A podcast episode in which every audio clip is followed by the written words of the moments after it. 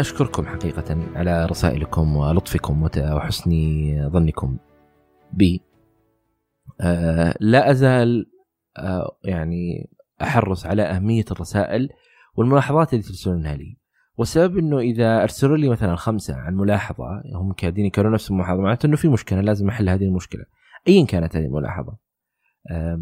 مهما كانت يعني الرسائل اللي تصل فأعرف إنك أي ملاحظة ترسلها هي وسيلة للتحسين والتطوير. أه، أنا أتعامل معها بالطريقة هذه. لا أتعامل مع إنها يعني نقد أو ذم أو سب لا أتعامل معها هي وسيلة لتطوير هذا المحتوى. في الأخير آه، أنت من يستمع لهذا المحتوى فإذا ما أعجبك هذا المحتوى آه، فما راح تستمع. فأنا ليش أخسرك؟ وأنا بإمكاني تعديل آه، الشيء اللي مضايقك أو مزعلك. الرسائل اللي تصل عن المشاركات التجارب وعن الأسئلة.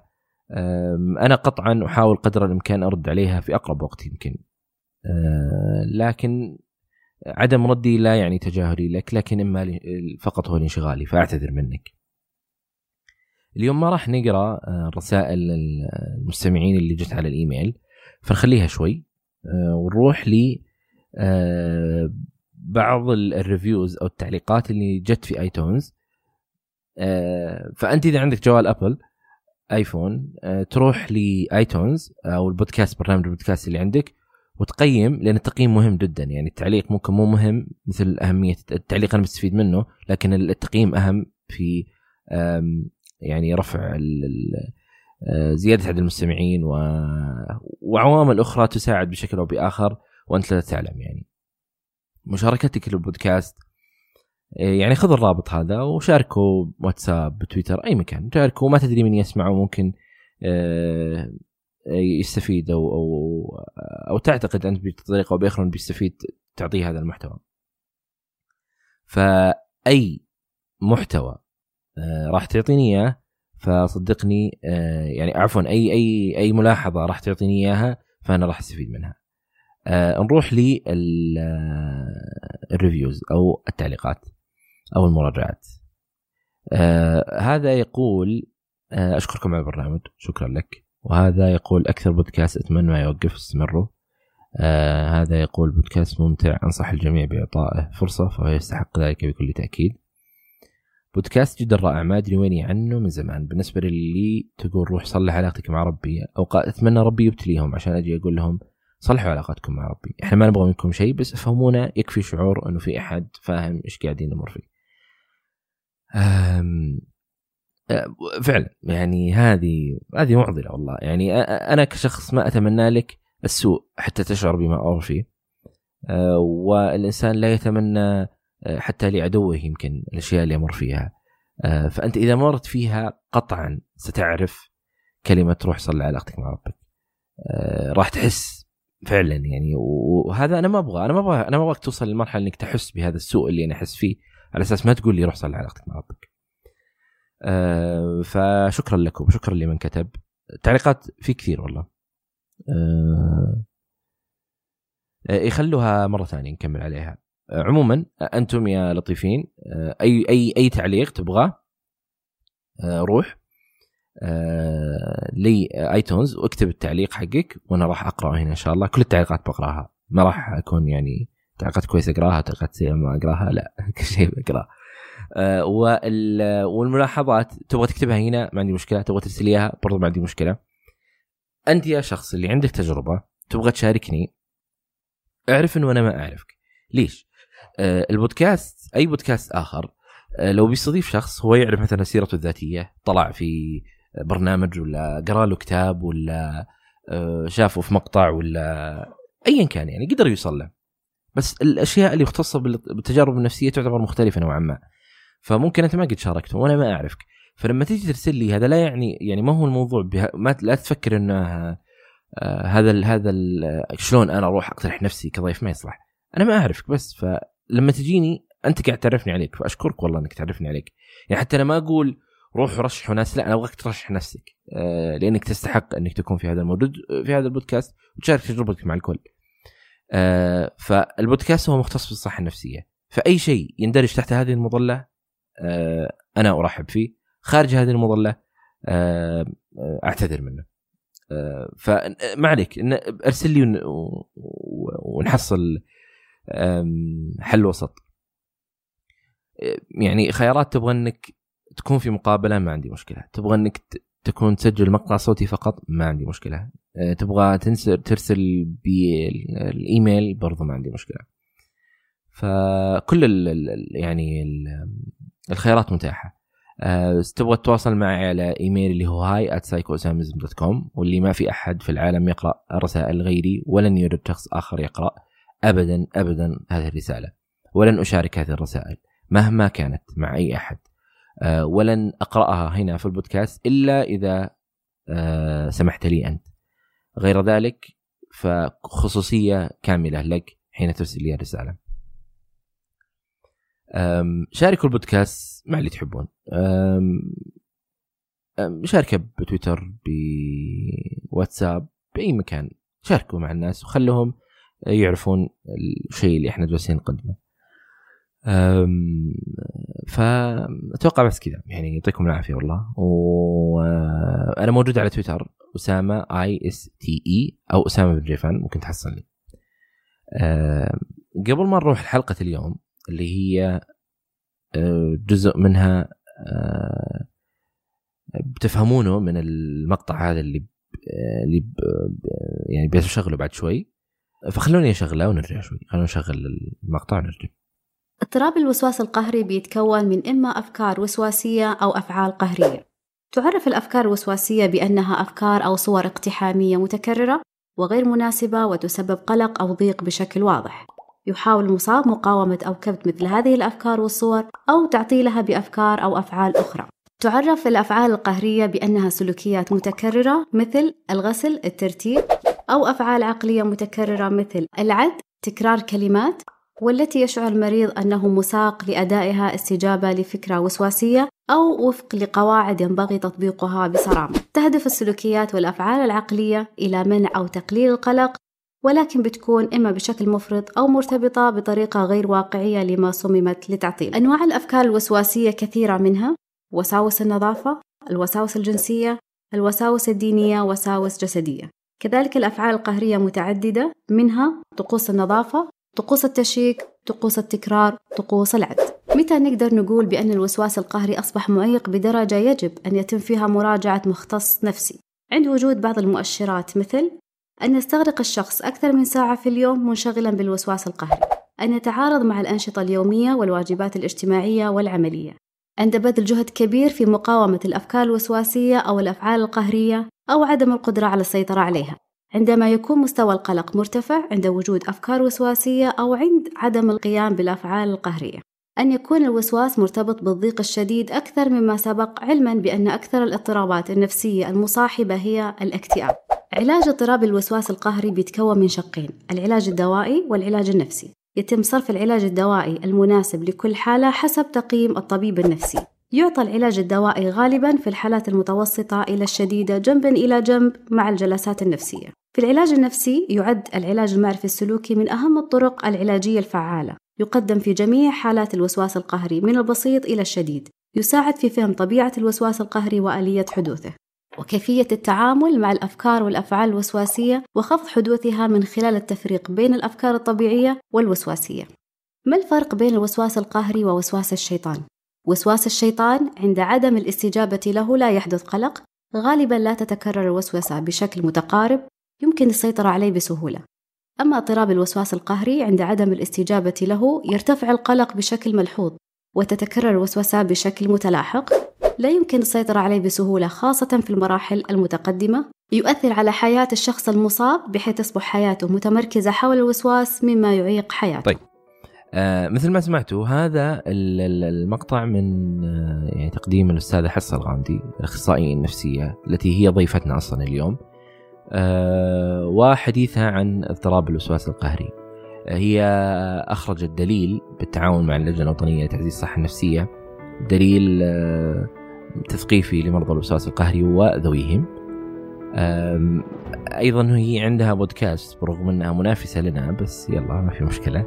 آه، إمعان آه، هو أيضا مرتبط ب بالعيادة النفسية تقابل المختصين ومواضيع مختلفة. موسمهم الأول كان في ست حلقات موجود على ال SoundCloud.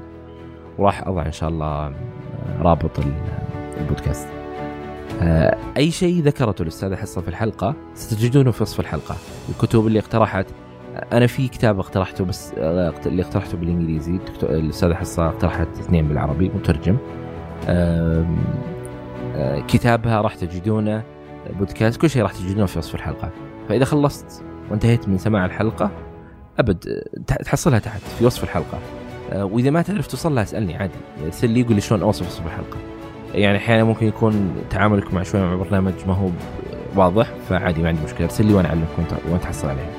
فهو موجودة في وصف الحلقة عموما كل الروابط بس اضغط عليها يوديك على طول على الرابط. فتكلمنا اليوم عن مواضيع مختلفة تعريف عن الاضطراب أه، وعلاماته والخيارات العلاجية الموجودة وإمكانية الشفاء حتى لو بعد زمان دور البيئة وهذه يمكن أحد النقاط اللي آه، يعني همتني أكثر اللي هو دور البيئة والمجتمع سلبا أو ايجابا على المصاب. آه، آه، وكان الحديث مرتبط في إنه كثير من الناس نحن ممكن نشوف نقول هذا والله هذا موسوس ولا هذا عشانه نظيف ولا عشانه اي أي ممارسة نشوفها فنقول له موسوس. فهل هو فعلا موسوس ولا لا؟ فهذه الأشياء الأساسية اللي تكلمنا عنها في الحلقة. شكرا لكم ويعطيكم العافية. أتمنى أن تكون حلقة خفيفة لطيفة عليكم أنا أسامة من جيفان وهذا مجتمع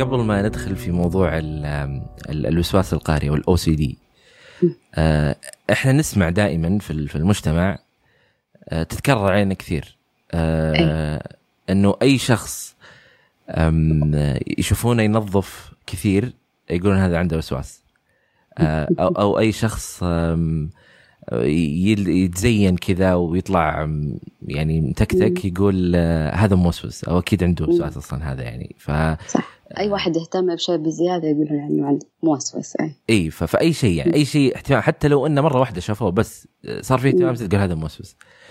فهل هذا صحيح أصلا؟ لا هو ما هو صحيح. يعني إحنا بنتكلم عن اضطراب الوسواس القهري هذا شيء مختلف تماما. أوكي لما الواحد يكون مهتم بشيء آه، بنظافة معينة بمظهر معين بترتيب معين. آه، كويس. لكن لما يزيد عن حده ويصير هذا الشيء شغله شاغل ويصير معيق لحياته هنا نقول إنه هذا دخل في الاضطراب اللي هو اضطراب الوسواس القهري. آه، الإعاقة مثل إيش قصدك؟ يعني إنه يصير أغلب وقته وأغلب ساعات يومه هو بس في هذا الموضوع. آه يعني ممكن ما يطلع من البيت عشان ممكن بس يتاكد ممكن تصل لهذه الدرجة لما تكون شديدة. مره فمثلا واحد مثلا آه، يدخل ياخذ شاور مثلا ويطول مرة. آه، أحد يرتب مثلا آه، في في مكتبه وياخذ وقت طويل أحد والشائع يعني إنه مثلا في اضطراب الوسواس القهري في الدين مثلا إنه لما يدخل يتوضأ يطول. آه لما يصلي يطول. فتروح أغلب ساعات يومه في شيء معين المفروض ما ياخذ منه آه إلا وقت مرة قصير. هنا يكون دخل في اضطراب الوسواس القهري. أما إنه بس مجرد زيادة اهتمام مع حياته آه أوكي يعني ما يعتبر طبعا آه موسوس بس عاد هذا الكلمة بتنقال يعني. إي يعني ال ال هو إذا حتى في في آه، سواء الاضطرابات في أي اضطراب خاصه بالاشياء المرتبطة بالصحه النفسيه آه، إعاقتهم أو الإعاقة اللي تسبب الحياة. فمعنى إذا قلنا شخص كل يوم يتأخر عن دوامه بسبب هذه الممارسة اللي يسويها. آه، فتأخر على دوامه مديره قاعد يسبب المشكلة ممكن يفصل من العمل ممكن يصير له أي مشكلة ثانية. ممكن شخص ثاني يطول بس هو ما تأخر عن الدوام. ولا سبب له أي مشكلة في حياته اليومية. بالضبط. فهذه هي كمان المدرسة أحيانا الناس اللي عندهم مدارس أو جامعات بيتأخروا. آه، أحيانا حتى مثلا الزيارات الاجتماعية ما ما عاد يروحوا. سبب عدم راحتهم لإيش؟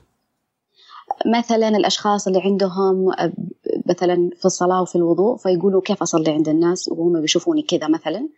آه، لأنه أنا مرة أطول. آه. أو انه هم بيطولوا أصلا في البيت فتروح عليهم يروح عليهم الوقت.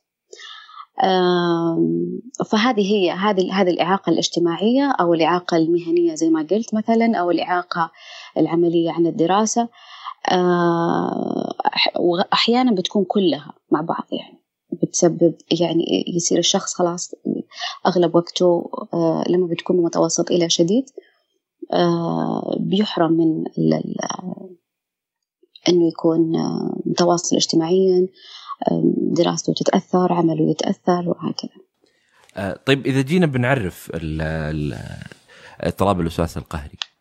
طيب اضطراب الوسواس القهري هو اضطراب نفسي من الاضطرابات اللي بنشوفها يوميا في عياداتنا على الأقل حالة في اليوم. يعاني المصاب فيها من أفكار آه، اقتحامية آه، غير مرغوب فيها. هذه الأفكار مرتبط فيها القلق ومصاحب لها قلق وضيق آه، يعني ملحوظ. هذه جزئية مرة مهمة أنه الفكرة مرتبط معها قلق وضيق بشكل ملحوظ لأنه لو فكرة ما معها قلق وضيق أوكي عادي ما هي ما هي مشكلة. لكن المشكلة عند الأشخاص اللي عندهم وسواس قهري إنه هذه الأفكار مرتبط معها آه، ضيقة وقلق وبالتالي عشان يخفف من حدة هذا القلق والضيق يصلح أشياء آه، اللي بنسميها إحنا أفعال قهرية أو اللي هو السلوك اللي بيكرر يعني بيروح يعيد في الصلاة يعيد في الوضوء يعيد تشيكه على مثلا الأبواب يعيد تشيكه على أنه سكر باب السيارة مثلا عشان يخفض هذا القلق. فهي بهذا الشكل هي أفكار مرتبط معها مشاعر مزعجة قلق وضيقة وبالتالي أفعال قهرية. القلق والضيق هذا ناتج عن رغبته في أداء هذه المهمة اللي تشغله أو هو في شيء ثاني مسبب له هذا القلق؟ خليني أشرحها لك بشكل آه، عن طريق مثال. مثلا شخص آه، آه، خلينا نقول المثال اللي دائما شائع يعني اللي هو في الدين مثلا. واحد راح يتوضأ مثلا وجته فكرة إنه وضوءك انتقض ولا آه، مثلا في عضو ناقص ما ما ما ما, ما انغسل كويس. فالفكرة لما تيجي على طول يجي معها القلق إنه أنا صلحت شيء غلط أنا وضوئي ما حيقبل. فبالتالي يرتفع القلق بشكل طبعا إحنا كلنا هذه الأفكار على فكرة الأفكار اللي بتجي الأشخاص اللي عندهم وسواس قهري كل الناس بتجيهم. كلنا بتجينا فكرة إنه وضوئي ناقص يمكن صلاتي ما أدري إيش يمكن باب السيارة ما سكرته يمكن كلنا تجي. لكن الفرق بين بين الشخص اللي ما عنده وسواس والشخص اللي عنده وسواس إنه الشخص اللي عنده وسواس أول ما تجي الفكرة على طول يرتفع القلق يرتفع بشكل ملحوظ. فالشعور بالقلق آه، يخليه يروح يصلح أي شيء عشان يخفض هذا القلق منها وأهمها وأبرزها أنه يكرر في السلوك. أحيانا يصلح أشياء ثانية مثلا يصلي وبعدين يسأل أحد أو يخلي أحد يصلي معاه أنا صلاتي كويسة كانت كويسة ما نقصت ما مدري إيه ويعيد طبعا السؤال مرتين ثلاثة أربعة أحيانا بعضهم في المراحل المتقدمة مرة ممكن يترك الصلاة اللي هو التجنب يترك المثير اللي بيثير هذه الأفكار والقلق والأفعال القهريه. وهذا ممكن يدخل في دوامة ثانية اللي هي مثلا الشعور بالذنب وزيادة القلق ويعني يدخل خط مختلف تماما. يدخل هذا يعني وجود الوسواس كثير آه، يعني بنشوف دراسات والأبحاث بتقول وإحنا بنشوف العيادة إنه كثير من الأشخاص اللي عندهم وسواس بيصير عندهم اكتئاب.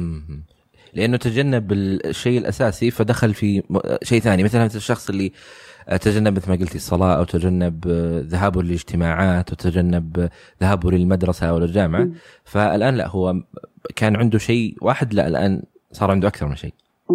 بالضبط. طيب الآن القلق لما قلت إنه يرتفع عنده القلق الأشياء تكون أعراض جسمانية تمر يمر فيها بارتفاع هذا القلق؟ هي طبعا القلق هو تظهر مشاعر تظهر أعراض جسدية اللي هي سرعة نبضات القلب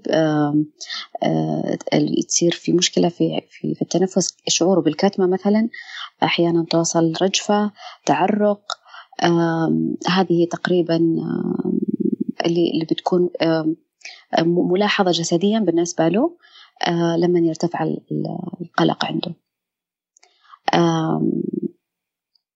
وطبعا شدتها تختلف من من شخص لشخص وحتى يعني أحيانا بتجي فترة يكون خفت شوي الأعراض هو متذبذب.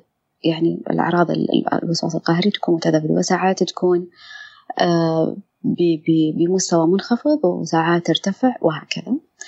كمان وجود ضغوط ومشاكل في حياة الشخص بترفع مستوى الوسواس القهري لأنه المشاكل والضغوط هي قلق والوسواس القهري المكون الأساسي فيه قلق فلما يرتفع هذا يرتفع الوسواس. آه طيب العلامات الرئيسية اللي آه يعني أنتم تعتمدون عليها فيما يخص تشخيصكم للاضطراب هذه الأشياء الأساسية اللي تكون هي العلامة الفارقة آه بينه وبين أي شخص ثاني.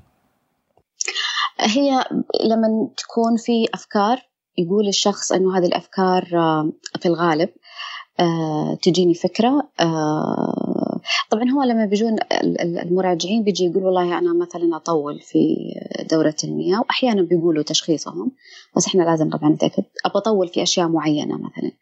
فنتأكد قديش بيطول إيش الأفكار اللي بتجي اللي هي أفكار زي ما قلنا غصبا عنه هو عارف إنها ما هي صحيحة وعارف إنها إنها تافهة وإنها بس ما هو قادر يتحكم في الموضوع مصاحب معاها هذا القلق ومصاحب معاها آه الأفعال القهرية اللي هو التكرار اللي بيصير معاه آه هذه هو هذا هو المحك اللي إحنا بنقيس عليه. بناخذها بالتفصيل طبعا. آه وبنحدد مدى شدتها. آه ونوعها. أحيانا كثير بيكون في أكثر من نوع عند عند الشخص اللي عنده اضطراب الوسواس القهري. آه طبعا اضطراب الوسواس القهري هو أنواع. أكثرها أكثرها شيوعا اللي هو اضطراب الوسواس القهري في الدين مثلا. هذا عندنا في السعودية. أي في السعودية وفي بعض الدراسات في الدول العربية. آه. أيوة. أي. ممتاز. في في الوضوء في الصلاة في أذكار في العقيدة والذات الإلهية وكذا. بعدين تقريبا بعدها فيما يخص النظافة. اللي هو غسل اليدين باستمرار لما يعتقد الشخص أنه يده فيها جراثيم أو ملوثة أو نجاسة. تنظيف المكان اللي هو فيه ملابسه الاستحمام. كمان فيه الأفكار الوسواسية اللي لها علاقة بالأفكار العدوانية إنه تجي فكرة في ذهن الشخص إنه أنا ممكن أذي طفلي. إنه أنا ممكن أذيه إنه أنا لازم أبعد من الشباك عشان ما أرمي طفلي من الشباك أو أبعد من المطبخ عشان ما أجيب شيء مثلا حاد. أو الآخرين إنه أنا ممكن أدعس أحد وأنا ماشي في الشارع. طبعا يعني على فكرة طبعا كل الأشخاص اللي عندهم أفكار وسواسية مثلا في فيما يخص العدوان هم أبدا ما يؤذوا. هم أصلا يخافوا يؤذوا. وهذا اللي هم يعتق... أيوة هذا جزء يعني مهم في هذا في هذا الموضوع. هم أصلا يخافوا إن هم يؤذوا أحد. ف... فهم يعتقدوا إن هم ممكن فعلا يؤذوا هم لا يمكن يؤذوا ولا يؤذوا يعني. آه في أفكار كمان وسواسية في الأمور الجنسية اللي هي مثلا إنه آه إنه ممكن يعمل علاقة مع طفل فيقوم يبعد عن وجود مكان وجود أطفال أو محارم معينة. مثلا الأهل أخته أمه مثلا فيقوم يبعد. طبعا هو كمان نفس الشيء لا يمكن يعمل هذا الشيء بس هي أفكار غصبا عنه بتجي. آه في أفك... في كمان وسواس قهري مثلا في في التشييك زي ما قلنا مثلا إنه يشيك الأبواب مسكرة الشبابيك مسكرة الكهرب الغاز. تشيك على أمور معينة مثلا في دواليب معينة في مكاتب معينة. في كمان وسواس العد إنه الأشخاص بيكرروا أرقام معينة أو يبعدوا عن أرقام معينة أو يستخدموا ألوان معينة أو يبعدوا عن ألوان معينة أو يكرروا كلمات معينة أو يبعدوا عن كلمات معينة وهكذا. تقريبا هذا الشائع في غيره بس تقريبا هذا الشائع اللي بنشوفه باستمرار. أه، واللي اللي فهمت إنه الآن وجود الفكرة أه، يعني دائما مثل ما دا أنت شفت إنها ترجع دائما لفكرة وجود هذه الفكرة. والفارق بينها وبين الشخص اللي أه، يقرر إنه أنا والله مصاب بنوع من الاضطراب أو أنا ما فيني شيء.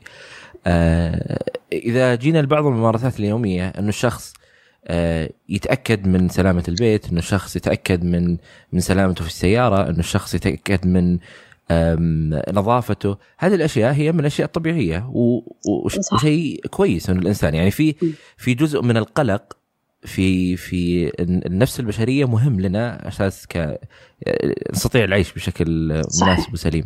لكن العلامة الفارقة مدى تأثير هذه الأشياء على حياتك اليومية.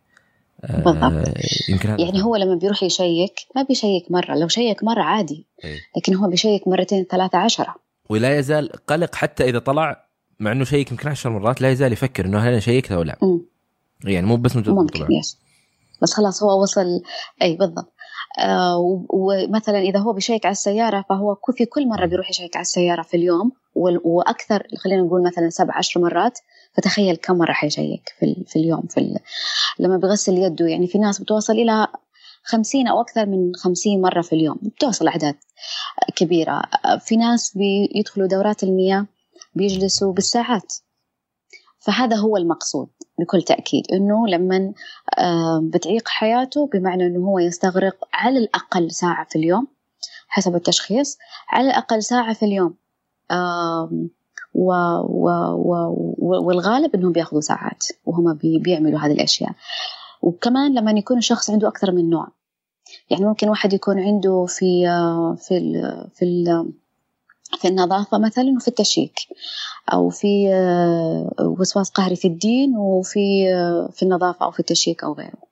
فاتصل كذا. هنا ممكن إذا ذكرت يعني الواحد يتخيل كمية المشاكل اللي ممكن يمر فيها الشخص المسلم خاصة آه، لأن عنده خمس صلوات خلال اليوم آه، فكيف إذا كان عنده مشكلة في الخمس مرات؟ ففعليا يومه انتهى. إذا كان هو مشكلته في الوسواس القهري الديني. لأنه ما هو يعني ما هي أشياء إذا قلنا مثلا للسيارة طيب هو ممكن ما يطلع بالسيارة. إذا قلنا هو في البيت يمكن ما يطلع من البيت. يمكن في أشياء يتجنبها لكن مثل الصلاة بحكم إنها خمس مرات خلال اليوم فالامر متعب جدا إذا هو يعاني من هذا الشيء. ال ال الآن بالنسبة لي الأشخاص عملهم لهذه الأشياء وعملهم لهذه التفاصيل اللي يمرون فيها. هل هم واعين أنه هذا اضطراب؟ أو هل هم يعرفون إن أو أو هم مقتنعين اللي يسوونه أمر طبيعي وانه كل الناس يسوونه؟ طيب خليني أقول لك على حاجة. أحيانا الوسواس بيبدأ خفيف مرة. خلاص؟ فالناس ما بتنتبه تفكر إنه هذا حرص زيادة حرص وزيادة اهتمام وهذا اللي بيخليهم يتأخرون ما يجونا بدري. يعني يبدأ خفيف وبعدين يزداد يزداد يزداد. لما خلاص يصير مرة عطل حياة الشخص يجونا في الأخير. وهذا اللي بيخليهم يتأخرون يجونا متأخر. أحيانا الوسواس بيبدأ لا مو خفيف مرة بيبدأ واضح يعني بيصير في تكرار كثير بيصير في فبيجونا بدري. وعلى فكرة يعني وأنا دائما أحب أقول دائما هذا الشيء إنه في الفترة الأخيرة آه، صاير الناس أكثر وعي آه، وأعتقد أن وسائل التواصل الاجتماعي كان لها دور في توعية الناس. صاروا الناس يعني أنا ملاحظاتي أنا بشوف ناس تجيني بدري. فالعلاج يكون أسهل. ناس توها مصابة لها شهر شهرين ثلاثة ستة شهور آه، تسعة شهور. طبعا طبعا أكيد فرق في يكون فرق. لكن هذا لا يعني إنه في ناس كل الناس جونا. أكيد إنه في ناس لسه ما تتأخر ما بتجي لأسباب كثير. فالشخص لما اللي بيبدأ خفيف مثلا ويعتقد إنه هذا من زيادة الحرص بعدين لما يصير معيق لحياته لا يبدأ ينتبه إنه في شيء خطأ في شيء مو لا لازم أروح أبحث عن حل. لما بيجونا في العيادة ونناقش الموضوع طبعا أغلبهم بيقول انها فكرة تافهة وفكرة سخيفة. أعرف إنها فكرة ما هي صحيحة بس ماني قادرة أتخلص منها. ففي الغالب يكونون واعيين لأنه لا فيه فيه مشكلة و وأنا ماني قادرة أتخلص منها. أعرف إنه هذه هذا شيء مو صحيح لكن ما أقدر أتخلص منه. فإحنا بنبدأ نشرح ليش هو مو قادر يتخلص منه وبنشرح التفاصيل عاد. إيه سبب عدم إنه هو مو قادر يتخلص منه. هذه هذه واحدة من الأشياء انه أه. آه المواضيع اللي مرتبطة بالاضطرابات النفسية المنطق غير موجود. إذا كنا بنتكلم من ناحية منطقية أو عقلانية الشخص اللي أمامك. فهو هو يعرف إنه هذا الشيء آه، ما يقدر يتحكم فيه. آه، فمثلها مثل أما لما يجي شخص ولا يعرف ينام أو عنده مشكلة أي مشكلة ثانية فنعتقد إنه إحنا نقول له طيب نام بدري أو أو سو أو نعطيه حلول آه، لأن ما نعرف إيش الحلول قدمها كمجتمع يعني. ما, ما نعرف إنه ما يقدر هو أصلا. صح. بالضبط. وهذه بتصير كثير آه، بالنسبة للأسرة. الأسرة أحيانا بتتدخل آه، يعتقدون انهم قاعدين يساعدون المصاب بس هم في الواقع يا بيخلون المشكلة تستمر يا بيخلون المشكلة تزيد. لأنهم مو فاهمين آه، إيش هو إيش هي المشكلة. يعني يفكرون إنه عادي تقدر تصلي مرة واحدة وانتهينا تقدر تتوضأ مرة واحدة وانتهينا يعتقدون كذا. مو فاهمين إيش قاعد يصير. التحكم في يدك يعني. بالضبط. مو فاهمين إيش قاعد يصير جوا. حتى نفسه المصاب مو فاهم ليش أنا قاعد أكرر كثير. ليه ماني قاعد أتحكم؟ دائما بيعتقدوا المشكلة في الفكرة. هي المشكلة ما هي في الفكرة. ف... ف يعني بس طبعا لما بيجونا في العيادة ونبدأ نشرح لهم بالتفصيل إيش اللي قاعد يصير في ذهنهم وحتى الأسرة بنشرح لهم لازم. آه، بما إنك ذكرتي الأسرة آه، تأثير البيئة نفسها بيئة الأسرة على المصاب سلبا أو ايجابا؟ الآن الأسرة أحيانا آه مثلا مصابة عندها آه بتكرر في الصلاة في الوضوء فبتطلب من أمها ولا من أختها أنها توقف معها م. خلاص أو آه تلاحظها. ف أو لما كل مرة تروح تسألها وتجاوبها. الأم مثلا هنا تعتقد أنها قاعدة تصلح شيء صح مع بنتها وهو في الواقع ما هو صح. آه هذا الشيء يخلي المشكلة تستمر. أي حاجة يصلحها المصاب عشان يخفض القلق بيخلي المشكلة تستمر. طيب؟ في شيء ثاني بينعمل وهو الأسوأ إنه آه بيصير دائما في تعليقات. أو بيصير فيه سخرية أو بيصير فيه أحيانا تعنيف. مثلا آه، لما بيدخل مثلا المصاب يطوف في دورة المياه تجي يدقون الباب عليه بقوة اطلع انت خلصت الموية خلصت الصابون خلصت ال... أوكي. أو لما يطلع مثلا يصيرون يرمون عليه شيء معين هو عنده وسواس فيه. يعتقدون إنه بهذه الطريقة إنه هو حيتخلص من الموضوع. بالعكس هذا الشيء يزيده يزيد يرتفع القلق يرتفع الوسواس والاكتئاب بالتالي. في مرة حالة جتني كانت كان أبوها يضربها. يعني يعتقدون إنه إنه موضوع بسيط وهو مرة صعب يعني. فغالبا اللي بشوفه أنا في الغالب إنه يا بتكون أسرة بهذا الشكل إنها تعتقد إنها تدعم آه، مثلا مصاب إنها توقف معاه وتجاوب على كل الأسئلة. طبعا هم لما بيسألوا بيسألوا يمكن خمس عشر مرات وبيجاوبوا في كل مرة. في المرة الواحدة عن عن الحاجة الواحدة يعني في الساعة الواحدة خلينا نقول. فطول اليوم هم بي بي بيتجاوبوا بيحاولوا يعني. وفي فترة بتجي إنه هم خلاص طفشتونا ما إحنا مجاوبين فيتأثر كمان المصاب أنت كنت معي قاعد تجاوبني وتدعمني الحين يعني تتركني. أو النوع الأسوأ اللي فيه تعنيف وسخرية وكذا. فهذه هذا في الغالب. قليل مرة الناس اللي بي بي بيكونوا فاهمين إنه أنا لا المفروض أنا ما أجاوب المفروض أنا ما أوقف معه مثلا. قليل كثير. فهذولي آه عادة في العيادة بنجلس معاهم بنشرح لهم وش الوسواس وش تفاصيله كله وش دورهم معنا في العملية العلاجية. مرة مهم تدخلهم العلاجي اللي هو أنهم ما يوقفوا بطريقة معينة. مع يعني الأشياء اللي هم كانوا بيعملوها ما يعملوها بس بنشرح ليش ليش ما يعملوها وإيش اللي بيصير لما هم بيعملوها آه وإيش دورهم في, في, في الأخير يعني. وبتمشي الأمور مرة كويس. السلوك الإيجابي المهم إيش من قبل الاسره؟ إنه هم طبعا لما بيفهموا كيف إيش إيش اللي قاعد يصير في ذهن المصاب بالوسواس خلاص يصير لما يجي المصاب يقول والله أنا صليت كويس صلاتي كانت كويسة ناقصه ما يجاوبوا. ابدا مهما ألح ومهما سأل. إنه أنا ما حجاوبك. تعالي أوقف معايا مثلا. لا ما حوقف. لاحظني. لا ما يكون فيه. إذا كان إذا كانت الحالة مرة شديدة نبعدها نبعد بالتدريج. نبعد يعني ما تكون بفجأة ما تكون فجأة كذا. إيه. إذا كانت الحالة شديدة ومرة ولها فترة طويلة. يعني نشوف المناسب للحالة. بس في الأخير أنه ما يكون في استجابة من الأسرة بمعنى أنه ما يصلحون شيء يخفض القلق عند المصاب. آه والنوع الثاني اللي هم بيعنفوا كذا كمان لازم آه نتكلم معاهم نشرح. نشرح لهم إنه هذا الشيء اللي بتعملوه مرة سيء. مو كويس ابدا في في حالة المريض. واحدة من الأشياء اللي هي آه، مرتبطة أيضا مثل ما قلتي الوعي. آه، زيادة الوعي راح آه، بشكل أو بآخر تؤثر سواء على المصاب نفسه ولا على الأسرة نفسها. أكيد. م. طبعا هم لما بيفهموا إيش إيش قاعد إيش هو الوسواس القهري؟ وإيش قاعد يصير في ذهن المصاب؟ وليش هو قاعد يكرر؟ هذه الأشياء لما نشرحها بالتفصيل للأسرة يتفهموا على طول وهذا الملاحظ بالنسبة لي. لما بنشرح لهم بالتفصيل ناخذ ورقة والقلم كذا ونشرح توصل الفكرة ويدخلوا معنا في العملية العلاجية بكل بكل سهولة بكل اقتناع. وتمشي الأمور. أه، وهذه اللي الاشياء اللي مرتبطة سواء بالأسرة يعني حتى الآن أه، المريض أه، أو العميل إذا كان إذا حضر للعيادة هو بطبيعة الحال ما حضر إلا أنه يبحث عن العلاج ويبحث عن الحل.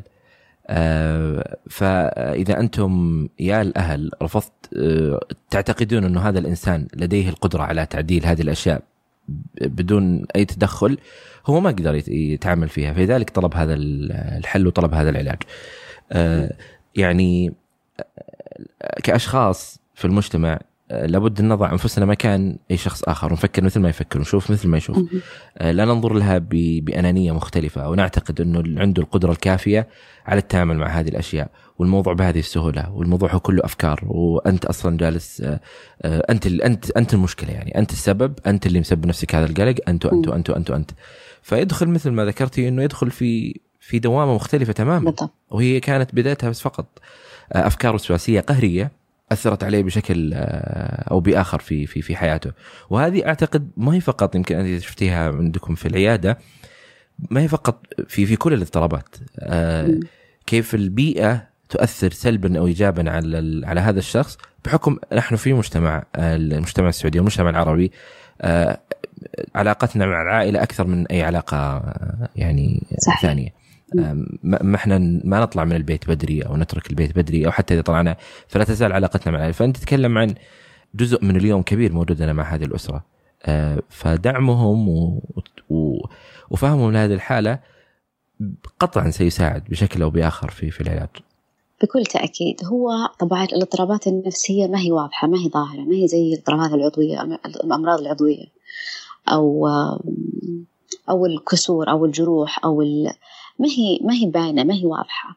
فيعتقدوا إنه موضوع آه، للشخص اللي ما مر فيه. لما تكون الأسرة في أحد مر بالأزمة اللي مر فيها الشخص ممكن يكون متفهم لكن في الغالب ما مو فاهمين مو عارفين مو شايفين شيء. فالمعاناة بتكون آه، ضعف في داخل المصاب.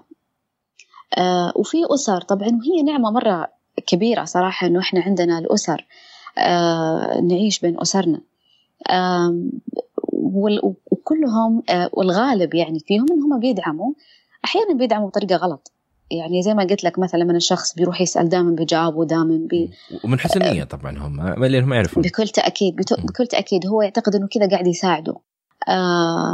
فهي آه جميلة. يعني هي لما يكون الشخص المصاب آه بوسواس قهري ويروح يسأل يلقى أحد قاعد يدعمه يطمنه. لكن طبعا هذا ما يخلي المشكلة تنحل. نفسيا من جانب آخر مريح له. لكن في في الوسواس القهري مش مريح. ما, ما تنتهي المشكلة في الأخير. ف فهي كذا. وبرضو للمجتمع بشكل عام لما أنت تقول شخص يعني تمزح أو أو تقول كلمة إنه يمكن في وسو... أنت شكل فيك وسواس. آه ممكن هو فعلا يكون في وسواس. آه فليش ليش يعني ليش تقول كلمة أنت ما تثمن آه يعني آه كلماتك بالنسبة لهذا الشخص اللي أمامك؟ إذا افترضنا إنه هذا الإنسان اللي قاعد تشوفه وتعتقد تقول هذا يمكن فيه وسواس ممكن معاكم في الجلسة واحد مصاب بهذا الاضطراب. فاحيانا هي مثلها مثل الشخص اللي يبين يعني يمكن إحنا ال ال ال يعني العيال أو الرجال آه، يمكن مزحنا شوي فيه شدة وقوة غير يمكن عن البنات. آه، مثل لما يكون بين الأصدقاء شخص آه، سمين.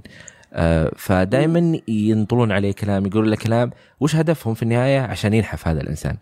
أنت ما تدري طيب وش اللي خلاه يوصل هذه المرحلة؟ ما تدري وش مر فيه؟ ما تدري آه، كيف تاثيره النفسي على هذا الشيء؟ ترى ممكن ما عاد يجيك للقاء. فبعدين أنت تجي تقول لا آه أنت نفسية أصلا. أنت ما تتقبل المزح أو أو أو أو. آه فيأثر عليه بشكل أو بآخر. صحيح. وهذه بتنقال لنا في العيادة. إنه مثلا يعني يقولون مثلا إنه مثلا أسرتنا ولا أي أحد من في المجتمع اللي هم في الزملاء الزميلات اللي في العمل إنه يا الموسوسة يا المجنونة. آه يا النفسية آه يا اللي تاخذين أدوية نفسية يا اللي تراجعين للأسف. آه ممكن يقولونها وهم يضحكوا إيه. لكن تأثيرها مرة كبير على على المراجعين فعلا يعني. آه وهنا إحنا بندخل في إنه كيف يتعاملوا مع هذه الأشياء وكيف يتصرفوا وكيف يعني ندخل عاد في في في جانب آخر آه في العلاج. في هذه النقطة اللي يخص الكلام آه، أنا سجلت حلقة مع آه، أحد البنات لسه ما نشرناها بس يوم جاء الموضوع فقلت أذكر القصة. هي دخلت في دوامة مختلفة. وصلت إلى ال يعني إيذاء النفس. ووصلت إلى تغيرات نفسية وتغيرات والسبب كانت كلمة قيلت لها في الجامعة فقط. ولا أحد يعرف هذا التأثير. ولا أحد يعرف كمية الحالة اللي ممكن يمر فيها. وإحنا نقول كلام. وبس يعني نعتقد إنه بشكل أو بآخر آه، هو مجرد كلام.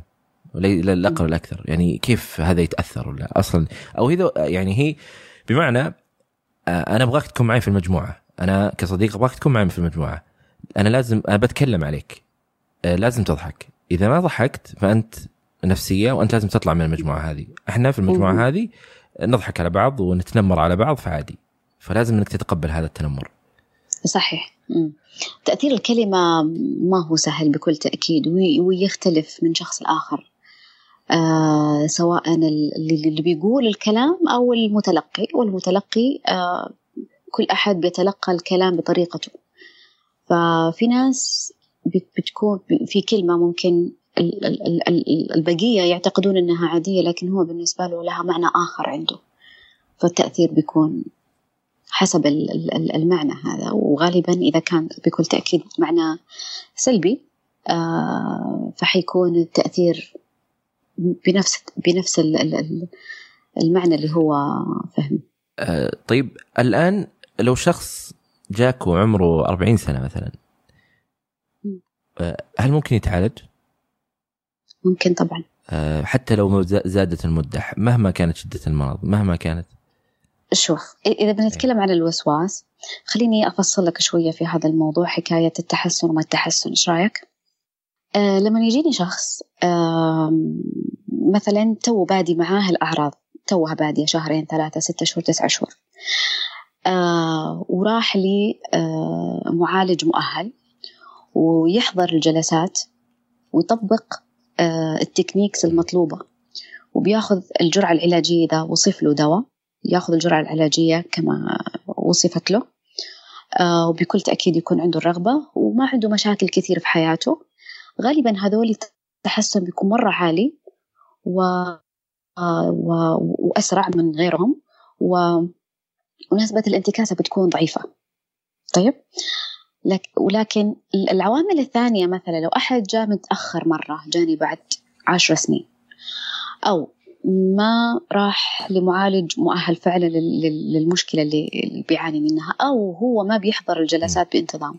يعني إحنا مثلا بنتكلم عن الوسواس القهري فإحنا مثلا في العلاج المعرفي السلوكي الجلسات في البداية لازم تكون كل أسبوع أو كل أسبوعين بالكثير والأفضل كل أسبوع.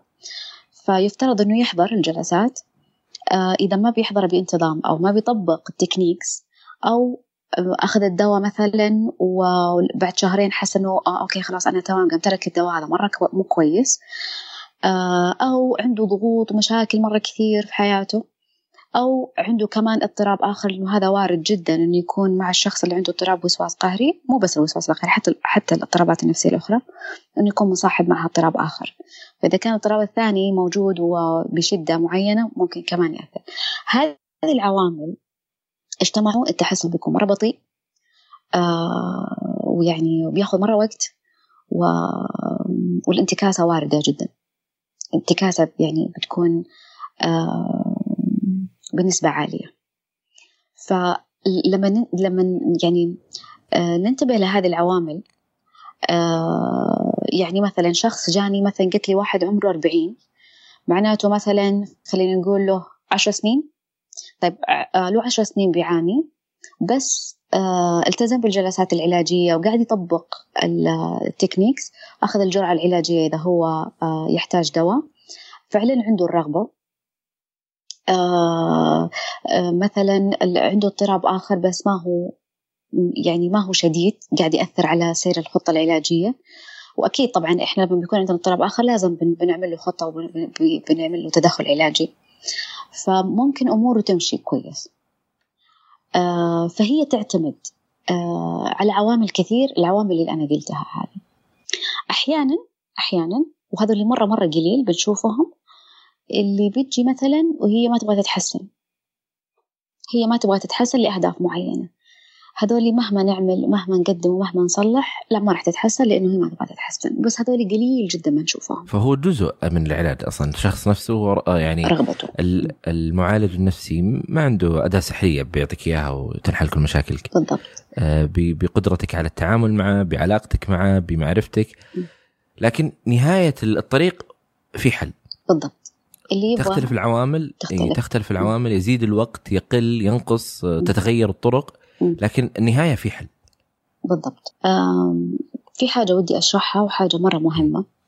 في في أثناء سير العملية العلاجية بالنسبة للعلاج المعرفي المعرفي السلوكي كونه هذا تخصصي. في الأسابيع الأولى بيكون مؤلم شوي. للأشخاص اللي دخلوا في هذه العملية العلاجية في الغالب منهم. لأنه إحنا في في العلاج اللي بنستخدمه فيه علاج اسمه أو تكنيك اسمه التعرض ومنع الاستجابة إنه شخص بيتعرض للمثير لكنه ما بيكرر ما بيستجيب. بطريقة معينة طبعا بنشرحها فيها تفاصيل. ففي هذه الفترة وهي لازم تكون متكررة على مدى عدة جلسات. في هذه الفترة بيرتفع القلق والضيقة بتزيد. في ناس ما تتحمل هذه الجزئية. وفي ناس بتقدر تتحملها وتعدي. ففي ناس لما بيوصلوا في الوسط مثلا أو بعد كم جلسة ما يقدروا يتحملوا. وطبعا إحنا بنشرح هذا الشيء من البداية وبنقول لهم إنه هذا الشيء ترى بيصير. لكن هذا مؤشر مرة كويس للتحسن. إنه أنت فعلا قاعد تمشي في في في مسارك الصحيح. ودائما بنضرب المثال اللي دائما بنقوله إنه شخص مثلا لو لو حصل له جرح مثلا في يده في رجله عشان يروح يسكر هذا الجرح جرح عميق شوية. لما يروح يسكره لازم بيتنظف بيتعقم بيحس بألم. لازم بيكون في خياطة بيحس بألم. آه ف... ولكن في الأخير بيلتم وبينتهي الموضوع. نفسها نفس فكرة الجلسات الأولى من العلاج المعرفي السلوكي اللي بيكون في ألم يرتفع القلق ترتفع الضيقة بس في الأخير وهذا مؤشر كويس بس في الأخير حتنتهي هذا كله, كله. هو نفس لأنه جزء. هو نفسها نفس الأدوية. آه لما تأخذ أدوية آه ستمر بأعراض. آه، ممكن يمر بأعراض يعني ممكن يمر بأعراض لكن هي يعني قالها أحد الأطباء النفسيين آه، يعني ذكرها بالأدوية قال إحنا آه، يعني إحنا we we take the symptoms that we don't like and we give the patient symptoms that he doesn't like. فهي بالطريقة هذه. لكن النهاية هي هذه اللي إحنا شفنا أن أعراض عندك إحنا بناخذ منك هذه الأعراض. قد نعطيك أعراض يعني مثلها مثل مثلا مضادات الاكتئاب، مضادات الاكتئاب واحدة في أحد الأنواع. أن تسبب الجفاف. آه، وهي من ضمن الأعراض يعني اللي اللي ما راح تنتهي. فأنت بس تشرب موية أكثر وينتهي الحل. أو حتى الأعراض في بداية خاصة بداية الأدوية اللي يمر فيها الأعراض الشديدة آه، هي مثلها مثل الجلسات. آه، يعني هذا لا يعني إنها جلسات لاني اعتقد البعض أن الجلسة هي مجرد كلام يعني في نهاية الموضوع. أنا رايح أتكلم مع شخص فقط فليش أمر بشيء من هذا القبيل؟ بالضبط. وهذه جزئية بس خلينا قبل أعلق على حكاية الأدوية. الأدوية آه، بالنسبة للتدخل العلاجي في آه، في الوسواس القهري. إحنا دائما بنقول هذا البروتوكول إنه الحالات البسيطة والمتوسطة والشديدة لازم يكون في تدخل آه، جلسات نفسية اللي هو العلاج المعرفي السلوكي الأدوية بيكون في يعني بنستخدمها في الحالات المتوسطة والشديدة. الأعراض الجانبية في بعض الأعراض الجانبية والغالب منها أنها بتكون بس في البداية وبعدين تنتهي. بعضها تستمر ويعطون لها أدوية ثانية أو طرق ثانية للتعامل معها. فدائما بننصح أنه وجود الأدوية مهم للحالات المتوسطة وخاصة الشديدة. بعض الأشخاص يقول أنا ما أبغى أتعب نفسي إنه أنا أروح وأعمل تعرض مرن استجابة وعلاج سلوكي وما أدري خلاص باخذ دواء حتى لو كانت حالته خفيفة. فإحنا طبعا بنشرح آه، في البداية بيشرح الطبيب أو يشرح المعالج النفسي إنه الخطة العلاجية أو الطرق العلاجية اللي المفروض إنه إحنا نقدمها لك كذا وكذا وكذا وكذا الدوائية والجلسات. فهو يختار. إحنا بنرشح له الأفضل وبنشرح له ليش لكن في الأخير هو اللي يختار. يعني لو كان بس عنده أعراض مرة بسيطة ممكن من جلسات تنتهي ممكن يقول لا أنا ما أبغى أبغى بس أدوية وخلاص. بعضهم العكس الحالات اللي بتكون عنده وسواس شديد متوسط أو شديد يقول لا أنا ما أبغى أدوية. يكون عنده موقف وأفكار خطأ عن الأدوية إنها تسبب لي إدمان إنه ما أدري إيش الأفكار الخاطئة الشائعة هذه. فإيش بنقول إحنا يعني؟ أو أنا مثلا بقول إنه okay ترى الدواء لما بناخذه بيساعدك كثير إنه دائما الدواء والجلسات النفسية بتخلي التحسن أفضل وأسرع ونسبة الانتكاسة أقل. وفي الفترة العلاجية اللي قلت لك عليها اللي في الأسابيع الأولى بيكون فيها القلق أعلى والضيقة أعلى في الدواء بيساعدك. آه إذا مرة أصر خلاص okay نبدأ الجلسات ونشوف. مشت أمورنا كويس تمام. ما مشت أمورنا وحسينا إنك لا تعبت زيادة أو مستمر التعب مستوى القلق مرة مرتفع لا زال لا الأفضل نأخذ دواء. فعادة بيصير آه بهذا الاتفاق.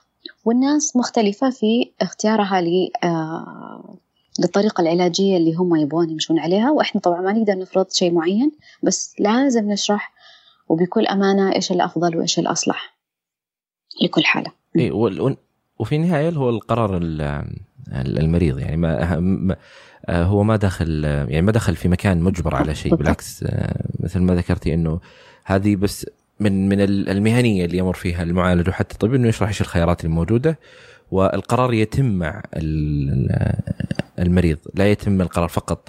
يعني ما يدخل أنا ما أدخل على الطبيب ويقول لي أو أدخل على الاخصائي ويقولوا لي لا ترى هذا الحل ما تبغى خلاص يعني اطلع.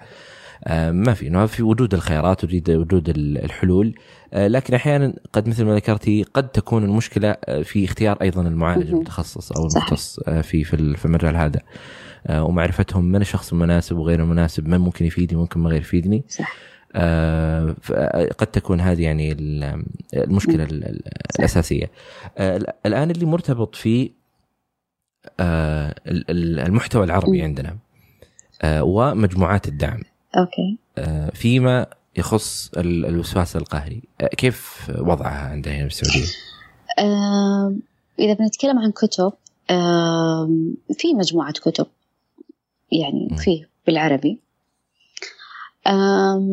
كلها إن شاء الله مفيدة.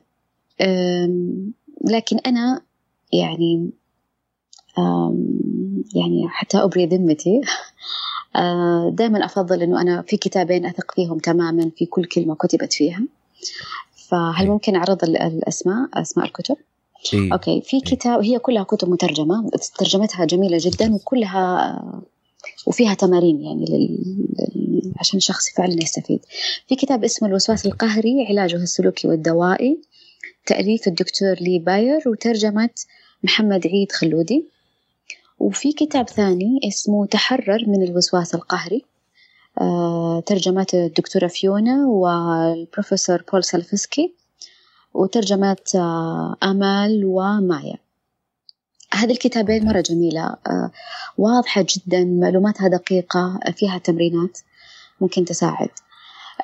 وبكل تأكيد أنه لازم يكون في, في, في الأخير الشخص لازم يروح للعيادة النفسية.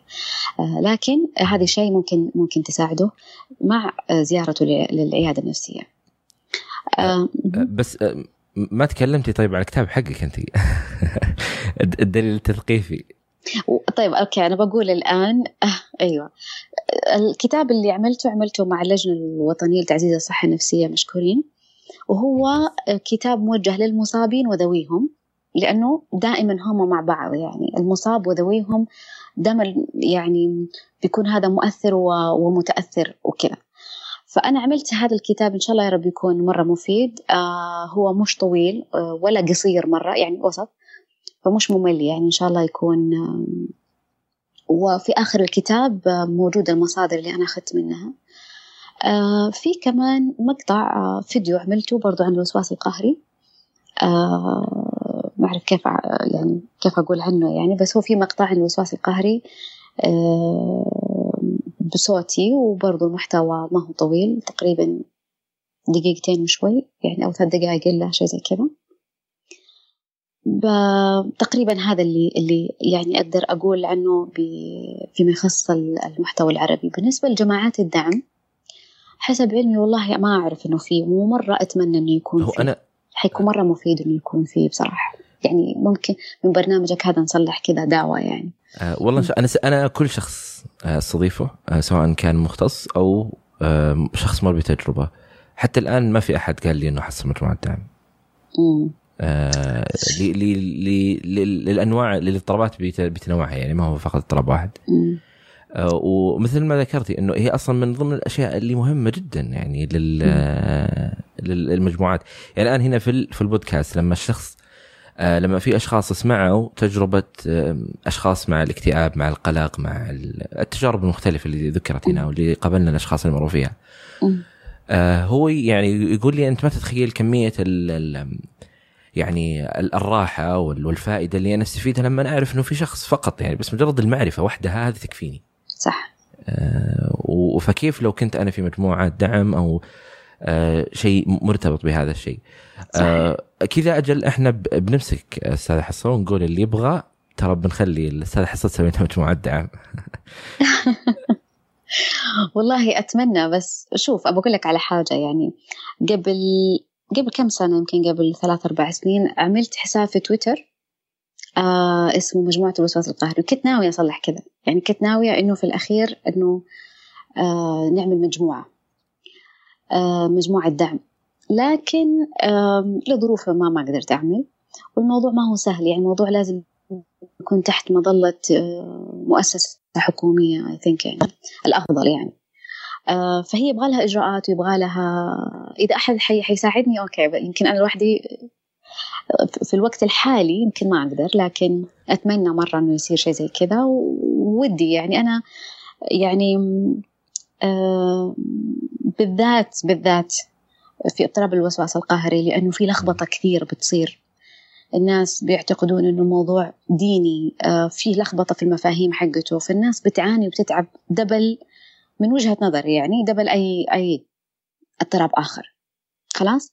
فهم محتاجين كثير إنه الناس آه، تتصحح مفاهيمها عشان تقدر تتحسن.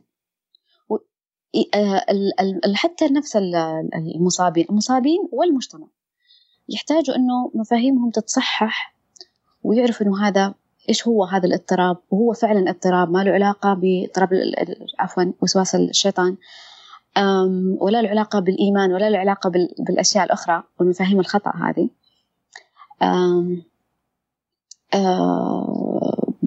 عشان تخفف لأنه لما شخص يعتقد إنه الشيطان هو اللي قاعد يتحكم فيه تخيل إنه شخص يعتقد إنه شيطان قاعد يتحكم فيه كيف بيكون شعوره؟ يعني يكون شعوره إنه الشيطان يقواني يعني واقوى مني وهو اللي قاعد يتحكم فيني أجل أنا لا شيء فالمشكلة تصير مضاعفة شعور بالذنب يصير أقوى. لكن لما يعرف إنه هذا مختلف عن هذا وهذا اضطراب وهي عارض وإن شاء الله يعدي وله علاج وله آه، طرق معينة للتخلص منه ينتهي الموضوع. ف وهذا الموضوع شائك جدا وأنا صلحت بحث لسه ما انتهت منه في في في الجزء الإحصائي منه. فيما يخص هذا الموضوع يعني يعني الوسواس القهري ووسواس الشيطان والأشياء هذه. آه وكمان في في الجلسات يمكن كمان زملائي آه يعني الأشخاص اللي بي بيشرحوا يعني. فإحنا بنشوف كثير بيجونا بيقولون إنه وسواس شيطان وما أدري إيش. فلما بنشرح الفرق آه وبنشرحه بأمثلة بنشرحه بوضوح وندخل في الجلسات العلاجية بعيدا عن أي شيء ديني لأنه هذه مشكلة نفسية. يتحسنوا بالخطط العلاجية وال techniques العلاج اللي إحنا بنعمله. بيتحسنوا فعلا بيقولوا okay يعني هذا فعلا ما له علاقة بهذا. فهم فعلا محتاجين الناس أن هم آه، يعرفوا التفاصيل هذه عشان يساعدهم أكثر كمصابين وكمجتمع. آه وهذه الأشياء يعني وأنا أحاول آه ولا زال السؤال هذا موجود عندي وأحاول أجد له جواب في النهاية. آه كيف تكونت هذه الأفكار في المجتمع بشكل أو بآخر؟ آه جذورها وارتباطتها ارتباطها بالثقافة وارتباطها بالمجتمع وارتباطها بالدين وارتباطها بالارتباطات هذه اللي تؤثر بشكل أو بآخر على حياة الشخص آه اللي هو المصاب في نهاية الموضوع. يعني الإضطراب النفسي لما أنت تتكلم عن شخص يعيش يومه مع هذا الاضطراب. اللي أصلا ما يعرف ليش هو مصاب بهذا الاضطراب ولا يعرف إيش السبب وراء هذا الاضطراب. آه، فهو ما يدري هل هو يحصلها مثلا من المجتمع اللي جالس يتكلم عليه أو يحصلها من نفسه اللي أصلا ما يدري إيش ليش هو يمر في هذه الأشياء. هو يجلس ويقول هذه فكرة خاطئة أنا إيش أسويها؟ ولا عندي القدرة إني أتحكم فيها. آه، أو تأثيره على حياته اليومية. يعني الشخص ال ال يعني آه، لا قدر الله ما هو من المناسب مقارنته بأمراض مختلفة لكن الشخص المصاب بالسرطان بإمكانه يعرف كم يمكن تبقى في حياته آه، من من قبل الأطباء يعرف إيش البروجرس حق العلاج يعرف أشياء كثيرة لكن هذا الإنسان ما ما يقدر يعني ما يقدر يمسك هذا الشيء. أنا ما أقدر أمسك هذه الفكرة أو هذا التصرف أو هذا الأفكار القهرية أو هذه الأشياء أنا ما أقدر أمسكها. فمهما تكلمت يا المجتمع ترى أنت لا تزيدني إلا سوءا يعني إذا إذا ما أنت. إذا ما راح تقدم لي الفائدة آه لا تضرني أكثر مما أنا يعني آه أمر فيه وأعيش وأتعايش معه. هذه حياتي كلها. الإنسان بيعيش 60 70 سنة من حياته. فإذا 30 سنة من حياته ولا 20 سنة في هذه الدوامة آه أمر متعب متعب جدا. آه كثير منهم يبكوا عندي في العيادة. لهذا الأمر. وعموما آه برنامجك الآن مثلا وبرامج اللي قاعدة تطرح وعموما يعني نعمة وسائل التواصل الاجتماعي إنه نوعي الناس و آه، يعني نثقفهم أكثر آه، نفهمهم أكثر. وهذا دورنا فعلا إنه إحنا نساعد الناس على إنها تكون فاهمة أكثر عن الصحة النفسية بكل تفاصيلها. وفعلا يعني أنا لي ما حقول كم لي في المجال بس إنه في السنين الأولى لما كنت أعمل الناس اللي بتجيني مفاهيم الناس اللي المراجعين يعني مراجعات مختلفة عن الآن. يعني أول كانوا بيجوني بعد يعني مره مرة أقل واحدة تكون يعني مصابة لها خمس خمس سنين. هذه مرة هذه بدري جتني الحين. وتقبلها للعلاج والجلسات برضو شوية صعب عادة بيميلوا للأدوية أكثر. الآن لا الناس آه صارت أكثر وعي صارت آه أفضل آه من السابق بكثير. بيجوا بدري بيجوا بعمر صغير أحيانا هم نفسهم بي بي بيجبروا الأهل إنهم يجيبوهم. آه بيتقبلوا الخطط العلاجية والأشياء هذه. آه ف يعني مؤشر جميل مؤشر كويس الحمد لله. فبكل تأكيد إحنا لازم نستمر في حكاية إنه إحنا نوعي الناس وإنه إحنا نساعد الناس في إنها تكون أكثر وعي وفهم لهذه الأمور.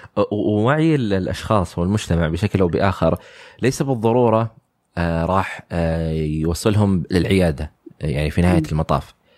ممكن معرفته هو يبدأ يقرأ يبدأ يبحث يبدأ يطالع أشياء توعوية. آه، ممكن هو أصلا يعرف يتعامل مع هذا الموضوع. يعني برضو أيضا سجلنا مع واحدة من البنات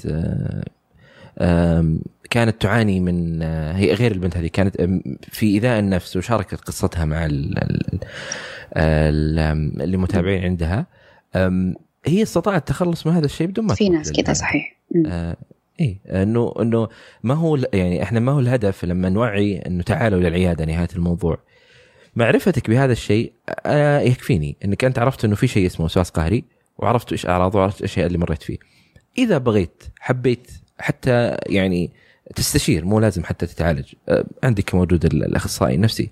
وهذه الأشياء يمكن هذه الممارسة ما هي موجودة عندنا بشكل أو بآخر وما أدري إذا كانت شفتيها أو لا. المفترض الأخصائي النفسي هو نفسه نفس طبيب الأسنان اللي تروح له كل ستة شهور عشان تشوف أسنانك. آه، الأخصائي النفسي ممكن يساعدك في في حياتك اليومية في قراراتك في أشياء تمر فيها هي مضطرب. فلذلك أحيانا يسمى عميل وليس مريض. صحيح. مو شرط كل اللي بيجونا يكون عندهم وصلوا لمرحلة الاضطراب. ممكن تكون عنده مشكلة زواجية مشكلة في الجامعة آه كذا. ممكن. مو لازم إنه فعلا تكون مشكلة اضطراب يعني نفسي لا مو بلازم. صحيح. إنها في مرحلة هي الهدف إنها ما تتطور تكون اضطراب بالضبط. إنها في في نهاية بالضبط. ويعني إحنا بنشوف ناس زي كذا بس صراحة قليل. نتمنى نشوف أكثر. خليني أقول على حاجة بخصوص طبعا إحنا آه، في في مناطق في المملكة ما عندهم عيادات نفسية كما يجب أو أحيانا ما في أبدا. زي شمال المملكة جنوب المملكة. بتجينا كثير رسائل إنه ساعدونا. فيمكن هذه الكتب اللي إحنا بنتكلم عنها ال ال ال الآن البودكاست هذا اللي سجلناه أو الأشياء الموجودة في ال social media خلينا نقول الأشياء اللي المفروض تكون مضمونة يعني ممكن تساعد الناس في إنه هم يساعدوا نفسهم إنهم يتحسنوا. أوكي؟ إذا كان في دائما بنقول إذا في عيادة تقدر تروح للعيادة هذا الأفضل. إذا ما قدرت تروح لأنه ما فيه ولا في ظروف معينة تمنع ممكن إنه أنت تتجه للكتب المساعدة الذاتية في الاضطرابات زي الكتب اللي أنا ذكرتها هذه كتب مساعدة ذاتية. بس إنها آه، علمية ومضمونة ما هي مو شيء آخر يعني مو سواليف. أو أو الاستشارة أو آه، البرامج هذه اللي الآن مثلا نسجلها. ف فممكن يصير بهذا الشكل إنه الشخص يساعد نفسه. في حال ما قدر. دائما نقول في حال ما قدر يروح للمعالج آه، والعياده النفسية. إيه وأيضا واحدة يمكن من الأشياء حصوله يمكن على التشخيص لوحده أيضا يساعده. يعني إذا لو لو افترضنا إنه هذا الإنسان ما يستطيع والله لأي قضية آه، حصوله على التشخيص ومثل ما ذكرت يبدأ يعرف يبدأ يفهم يبدأ يحاول يبدأ يسأل آه، أيضا بتساعده بشكل أو بآخر حتى لو ما كانت عنده القدرة الكافية إنه يحصل ممكن. على ممكن لما يعرف هو وين من الها... أيوه. okay أنا عندي هذا الاضطراب يصير يروح يقرأ فيه وي... وي... ويساعد نفسه ممكن yes. بس عشان يوصل لهذا التشخيص إحنا دائما يعني نقول اتصلوا استشيروا مختص إذا ما قدرتوا تروحوا لأنه ودائما برضو يعني ما نأيد كثير يعني دائما نقول لازم تجي العيادة لازم إحنا عشان نشخص نجلس ساعة نسأل بشكل مباشر. وأنا أحيانا تجيني استشارات إنه أنا عندي كذا إيش تشخيص؟ مو صح. يعني عشان أنا أشخص لازم أجلس ساعة أو الطبيب. وقت طويل عشان ناخذ تفاصيل كثير عشان نشخص. لأنه إحنا نشخص من خلال الكلام اللي هو بينقال من خلال التفاعل اللي قاعدين نشوفه أمامنا. ما عندنا ما عندنا ممكن نعم. يعني إحنا ما عندنا فحوصات أو كذا. هذا هذا اللي إحنا هذا الفحص السرير اللي إحنا بنعمله إنه يجلس المريض ونسأله تفاصيل كثيرة جدا عشان نوصل للتشخيص الدقيق. قلت أحيانا نحتاج جلسه ثانية. فإنه إذا أحد ما قدر لا لا تستعين ب بأنك تدخل تقرأ مثلا بعضهم يدخل للجوجل ويقرأ قال آه أنا والله فيني اعراض هلع فيني اعراض قلق عام فيني ما أدري إيش. ما حتكون واضحة لأنه هو اللي بينكتب في جوجل رؤوس أقلام. فهي ما ما بيكون فيها تفصيل. الأفضل إنك تتصل فيه يعني أنا إذا مسموح لي أعلن عن الرقم المجاني تبع اللجنة الوطنية لتعزيز الصحة النفسية. هو بيستقبلون استشارات. آه، مجانية طبعا آه، للجميع آه، فيها طبيبات وأطباء وأخصائيات وأخصائيين فممكن الواحد يتصل ويساعدونهم في حكاية التشخيص أو توجيهات معينة.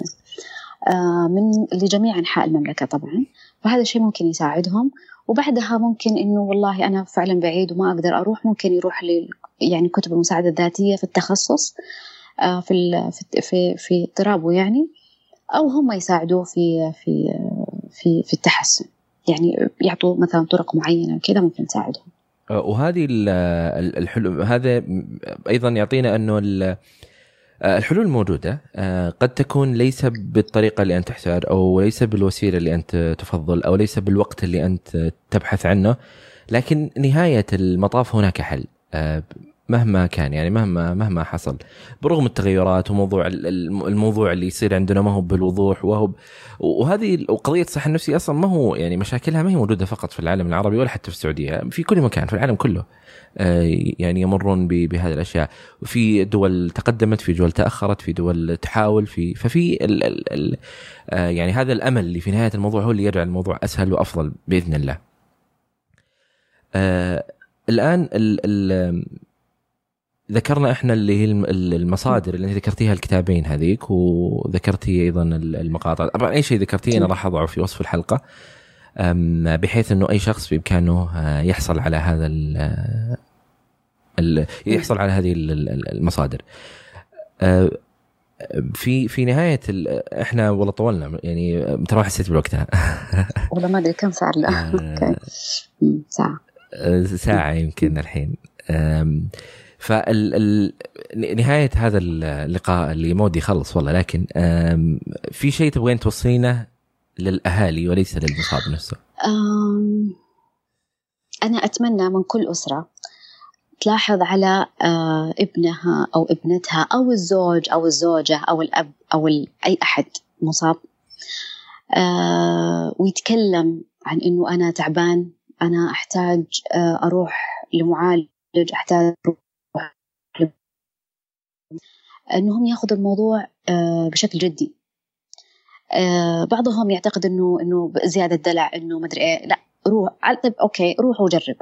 خذ ولدك خذ بنتك اللي اللي تعتقد إنها يعني قاعدة تدلع مثلا وديها الطبيب طبيب نفسي آه، واجلس في وخليكم معاه في الجلسة واسمع كل شيء واقتنع ووقتها حتقتنع. يا إنه فعلا هو قاعد يتدلع زي ما تعتقد لأنه فعلا هو عنده مشكلة لأنه الاضطراب النفسي مو ظاهر مو باين. ف... فالشخص بيصير يعاني جواته يعني. أم... فأنا هذه هذا اللي أتمناه يصير عشان ما يتفاقم الوضع ويصير فيه ندم بعدين ويصير التحسن أس... يعني أبطأ. آه يعني وتصير الجلسات العلاجية أكثر تصير الأدوية النفسية أكثر. فدائما أول بأول أكيد أحسن. فهذا اللي أتمناه من كل أسرة أنه فعلا تاخذ بمحمل الجد كلام المصاب أو يعني أي أحد عنده كذا حتى لو كانت شكوى خفيفة حتى لو كانت شكوى بسيطة والله متضايق من الجامعة والله متضايق من المدرسة. لازم تؤخذ هذه الأمور بعين وممكن بعض الآباء يقول قل لي أنا فضفض لي أنا أنا بساعدك. ممكن إنه أنت تساعده بس مو دائما. مو دائما حتقدر تساعده. واحيانا بعضهم يقول أنا ما أبغى أقول أبغى أقول لمعالج يعني ما أبغى أقول هي أمور أستحي اقولها للاسره it's okay okay. المعالج في الأخير هو شخص مؤهل شخص آم آم عنده محمل مبدأ السريه وأكيد في الأخير يعني أي أسرة بتهتم إنه مثلا ابنها أو المصاب إنه يكون بأفضل حال. فممكن ت... فأكيد إنها بتعمل المستحيل عشان هو يكون بأفضل حال. هذه كلمتي للأسر. آه فعلا واحدة من الأشياء أيضا اللي هو مثل ما ذكرتي إنه أحيانا بحسن النية يعتقدون إنه تجاهلهم الموضوع أو كلامهم لهذا الابن والابنة انه بيحلون هذا الموضوع أو بطريقة أو بأخرى. هم ليس بهذا السؤال يعني ليس بهذا السؤال. لا تعتقد إنه موضوع يعني بمعنى انه لا إذا إحنا ركزنا على الموضوع ممكن يزيد. أنت ما تدري إذا ركزت على الموضوع ما يزيد. آه هناك من درس وتعلم وأخذ سنوات من حياته على أساس يقدم المساعدة المناسبة للأشخاص اللي يحتاجونها. فما راح يضرك إذا أنت طلبت استشارة وطلبت مساعدة وطلبت رأي آه، مستشار وطلبت وحتى إذا رحت لواحد وتعتقد صحيح. إنه ما ناسبك راح لغيره. الموضوع ما هو بال ويقدر بالصعوبة يناقشه والله. بعضهم يقول أنا ما أبغى ولدي ياخذ دواء نفسي آه تقدر تناقش الطبيب ويا يعني تقدر تناقشه. وتسأله إيش الحلول المتاحة أو إذا أنت إيش إيش مخاوفك من الدواء طبعا الغالب بيقولوا إنه إدمان طب ناقش الطبيب افهم هو فعلا هي فيها بتسبب إدمان ولا لا. بعضهم آه، ما بيناقش بيتخذ القرار وينتهي مع إنه عنده الفرصة إنه يناقش ويسأل يتأكد من معلوماته. والطبيب أه- يعني وجزء مهم من دوره إنه هو يثقف. فيفترض إنه يكون أيوة. في سؤال ومناقشة. اي يعني إذا المفترض أنت في العيادة اسأل أي سؤال تعتقد. اسأل إذا أنت إذا أنت آه سمعت كل الناس وقالوا لك. فلان وقالوا لك أي شيء ورحت للمكان هذاك والدكتور قال لك أدوية. ناقشوا في أي سؤال تبغاه إذا ما جاوبك الدكتور ورفض. يجاوبك خلاص اطلع من العيادة لهذا المفترض ما, ما يستحق وقتك هذا الطبيب. لكن ما ما في هذا الطبيب يعني ما نعم. عندنا مثل هذا. الطبيب اللي ما ي... اي يعني إنه ما يعطيك هذه الفرصة ولا يناقش معك ولا ياخذ منك. أيضا في واحدة من الأشياء بس قبل ما ننتهي موضوع نظرة المجتمع للأشخاص المصابين بالاضطراب. بعضهم آه، يخاف إنه يتكلم ولا يخاف إنه يناقش ولا يخاف إنه أيضا حتى يطلب العلاج لأنه يعتقد إنه الموضوع هذا بسيط وينتهي ويمشي منه. آه، هل تأثيرها عليك كشخص مثل ما لاحظتي أنت أه- جاك شخص وكان هو سبب تأخره خايف من كلام الناس أو خايف من نظرة الناس أو خايف أو خايف خايف. كيف لما انتهى من العلاج كيف كان قال نظرته عن نفسه الآن ونظرته عن الناس؟ يعني قبل وبعد. إي. إي طبعا كثير من الناس بيتأخر بالذات مثلا نتكلم عن الوسواس القهري لأنه في مفاهيم معينة عند الناس بترتبط بح- بحكاية الشيطان والدين والمدري إيش. آه أنت بس قوي إيمانك أنت بس okay. فبيتأخروا كثير إلى أن يعني يصير يعني المصاب مرة مرة يطول في في في, في الصلاة في الوضوء في المدري إيش فيقولوا لا خلاص لازم نروح يقتنعوا الأهل وقتها. بعدين لما okay نبدأ في في- في الجلسات كثير من الناس هذولي بيصير عندهم شوية لخبطة لأنه عنده متشرب مفاهيم معينة.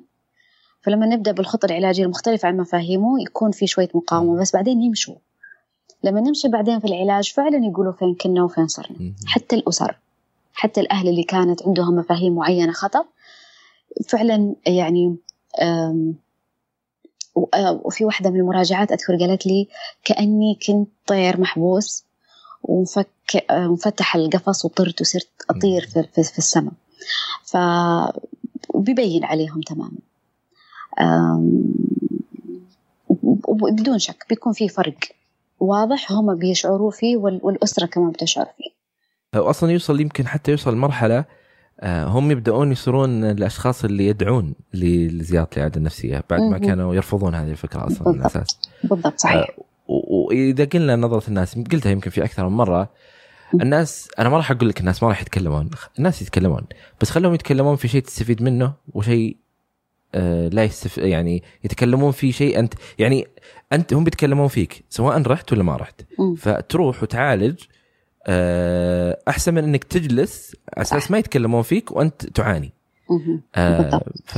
واصلا كذا كذا يعني هم بيتكلموا يعني إيه. إنه أنا أو, أو دائما بيعلقوا مثلا آه يلي يا الموسوس يا المدري إيش فهم كذا كذا قاعدين يتكلمون وهم بيقولوا أنا لو رحت أد- أتعالج وأروح العيادة النفسية بيقولوا لي يا المريض النفسي يا اللي بتاخذ إيه. دواء أوكي على الأقل تكون خفت الأعراض انتهت الأعراض آه، أو اختفت بشكل كبير وقاعد تمارس حياتك خلاص ما يقدرون يقولوا لك هذا الكلام لأنه ت- يعني سوي ب- بنسبة مرة عالية أي. لكن إنك تظل كما انت بالعكس الأعراض بتزيد وبيزيد الكلام فما استفدت شيء آه بالضبط آه في حاجة ودي أقولها مم. للأشخاص اللي عندهم آه، أفكار وسواسية آه، في أفكار وسواسية في العقيدة أو أفكار وسواسية في الأمور الجنسية. مم. كثير من هذول الأشخاص آه، بالذات الجنسية يخافوا ان هم يقولوا آه، يقولوا هالأحد. آه، يخافوا طبعا من نظرة الناس وكذا. أنا مرة أتمنى إنه أي أحد يسمع هذا البودكاست وعنده هذا النوع ويعني وخايف إنه هو يروح خايف من نظرة المعالج. أتمنى إنه أنت تروح لأقرب معالج كويس تثق فيه. إحنا نعرف هذا النوع من الاضطراب ونعرف قديش هو مؤلم وقديش هو مزعج. وهو ممكن ممكن يتعالج وممكن بإذن الله تنتهي من هذه الأمور. لأنه كثير من الناس اللي عندهم هذه الأفكار آه، يستحي إنه هو يروح يقول يخاف يروح يقول يخاف من الانطباع اللي ممكن يؤخذ عنه ويعتقد إنه ما له علاج. ويظل يعاني ويظل آه، ويأثر على حياته بشكل كبير. فلا إحنا بنشوف العيادة بيجونا ناس عندهم نفس هذا النوع من الأفكار وبنساعدهم تنتهي الأمور تماما زي أي نوع آخر من الوسواس القهري. اي في نهاية الموضوع هذا هو الهدف أصلا في نهاية الموضوع من التوعية أو من المعرفة نعم. أن هناك حل آه، مهما كان. يعني مثل ما ذكرتي واصلا أحد الأشياء المهمة والأساسية من المعالج النفسي هو عدم إطلاق أي أحكام مهما قال العميل ومهما كان المريض. وليس هدف هدف المعالج آه، تغيير نظرتك الدينية وتغيير نظرتك أفكارك ايا كانت إذا كانت مرتبطة. يعني شخص عنده مشكلة في الصلاة يعني المعالج ليس رجل دين على أساس يناقشك في موضوع الصلاة ويناقشك في نعالجك في الشيء اللي انت جيته. ومهما تكلمت المعالج المتميز والمعالج اللي يحمل نوع من الأخلاقيات ونوع من ثقته في نفسه وثقته بالآخرين أنه ما يطلق أي حكم آه، ولا يكون لك أي حكم مهما تكلمت ومهما قلت. أكيد بكل تأكيد. آه شكرا لك. آه والله يعطيك العافية على هذا اللقاء اللطيف. الله يعافيك وشكر لك أنت مرة ثانية. شكرا على هذا البودكاست. الله آه وشكرا على استضافته ويا رب تكون يكون اللقاء كان فعلا مفيد وممتع زي ما قلت في البداية يعطيك ألف عافية